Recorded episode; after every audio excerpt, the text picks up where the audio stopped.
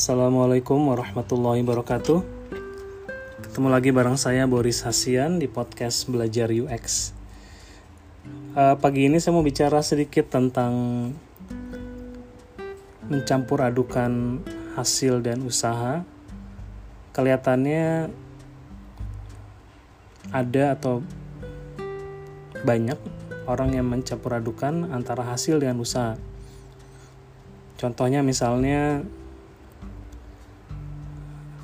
uh, saya bakal kalau saya udah jadi expert di bidang saya baru saya mau share atau bicara di misalnya di meetup. Atau kalau saya udah jadi expert baru saya mau share ilmu yang saya tahu sekarang dan nulis di misalnya di blog. Atau misalnya ada juga kalau saya udah jadi manajer baru saya mau kerjanya misalnya lebih atau kontribusi lebih ke perusahaan. Banyak contoh lainnya lagi. Uh, kalau misalnya sebagai muslimin misalnya uh, salah satu kewajiban yang utama itu adalah sholat. Kalau kita bilang nah, sholat, bilangnya bakal nanti kalau iman saya udah kuat baru saya sholat atau saya, nanti kalau saya udah uh, bersih dari dosa baru saya sholat. Jadi ini kebanyakan kelihatannya confused ya, bingung antara hasil dengan usaha.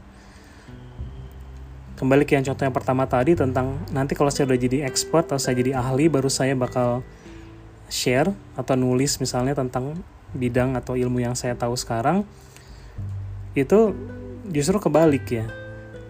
Hasilnya adalah menjadi expert atau ahli dan usahanya banyak. Salah satunya adalah misalnya menulis ilmu yang kita tahu sekarang. Karena biasanya dengan menulis kita jadi sadar apa yang kita tidak tahu dan kita jadi belajar juga nantinya apa yang kita tidak tahu.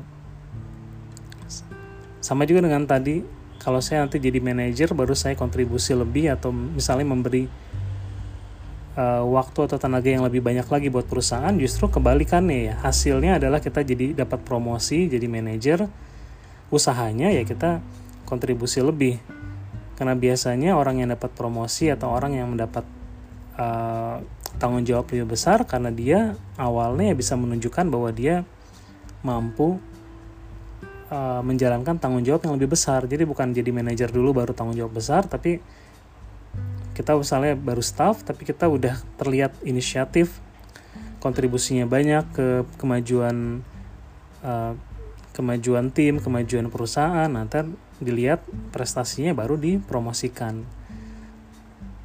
Nah, kalau kita udah bisa membedakan antara hasil dengan usaha, kita nggak bakal istilahnya pelit gitu dalam berusaha. Kayak tadi, pelit misalnya buat kontribusi ke orang lain melalui tulisan, walaupun kita mungkin diri kita menganggap kita bukan ahli, tapi untuk menjadi ahli, sekali lagi kita harus melakukan banyak hal salah satunya adalah tadi sharing kita jadi lebih ahli dalam menulis kita dalam ahli dalam karena menulis itu nggak gampang. Menulis atau misalnya bikin kayak podcast gini awalnya susah banget gitu ya karena kita harus belajar buat uh,